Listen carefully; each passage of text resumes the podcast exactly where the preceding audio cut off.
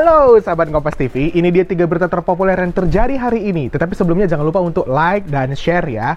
Oh iya, kamu juga ikutan giveaway dong. Caranya dengan menjawab pertanyaan di akhir dari top 3 ini. Nanti akan diundi pada hari Sabtu. Jangan lupa subscribe juga ya.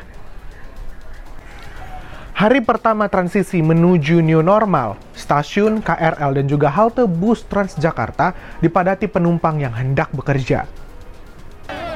Aksi saling dorong antara petugas stasiun dan penumpang terjadi di stasiun KRL Rangkas Bitung. Petugas berusaha menahan penumpang di luar stasiun untuk menghindari penumpukan di dalam stasiun kereta. Akibatnya, antrean panjang penumpang di luar stasiun terjadi hingga ke jalan raya. Akhirnya, penumpang berdesakan tak bisa menjaga jarak fisik dalam antrean karena berebut untuk masuk ke dalam stasiun.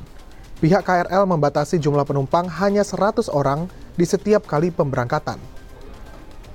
Jakarta kembali ramai karena kantor-kantor perusahaan-perusahaan kembali dibuka. Nah, Gubernur DKI Jakarta Anies Baswedan hari ini juga melakukan peninjauan di beberapa lokasi. Lalu, apa tanggapan Gubernur DKI Jakarta terkait hal ini? Hari ini, Jakarta kembali menjadi ramai karena sejumlah pekerja sudah mulai kembali bekerja. Jalanan dipenuhi kendaraan bermotor. Ojek online pun sudah diperbolehkan beroperasi. Gubernur DKI Jakarta Anies Baswedan menyebut arus lalu lintas lebih padat dari jumlah penumpang transportasi umum karena banyak warga yang memilih menggunakan kendaraan pribadi. Saat meninjau stasiun kereta listrik Sudirman dan stasiun MRT Duku Atas, Anies juga berujar, mayoritas penumpang transportasi umum menaati imbauan pemerintah untuk menggunakan masker. Protokol kesehatan harus ditaati. Menggunakan masker harus sepanjang waktu di mana saja kapan saja dan kita tadi lihat para penumpang yang keluar dari kendaraan umum 100% menggunakan masker. Petugas kita tadi menjaga di sana. Tapi kita ingin ingatkan bahwa tanggung jawab untuk saling mengingatkan ada pada kita semua. Kalau tidak pakai masker memang ada denda 250 ribu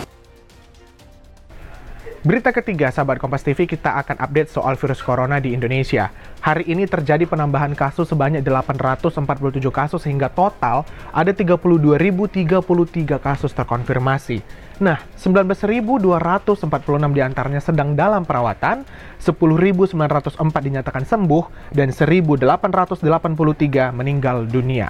Satu-satunya cara untuk mencegah virus corona ini menyebar adalah dengan tidak tertular dan tidak menularkan, dengan cara tetap jaga jarak meskipun PSBB dilonggarkan dan mengikuti protokol kesehatan yang ada.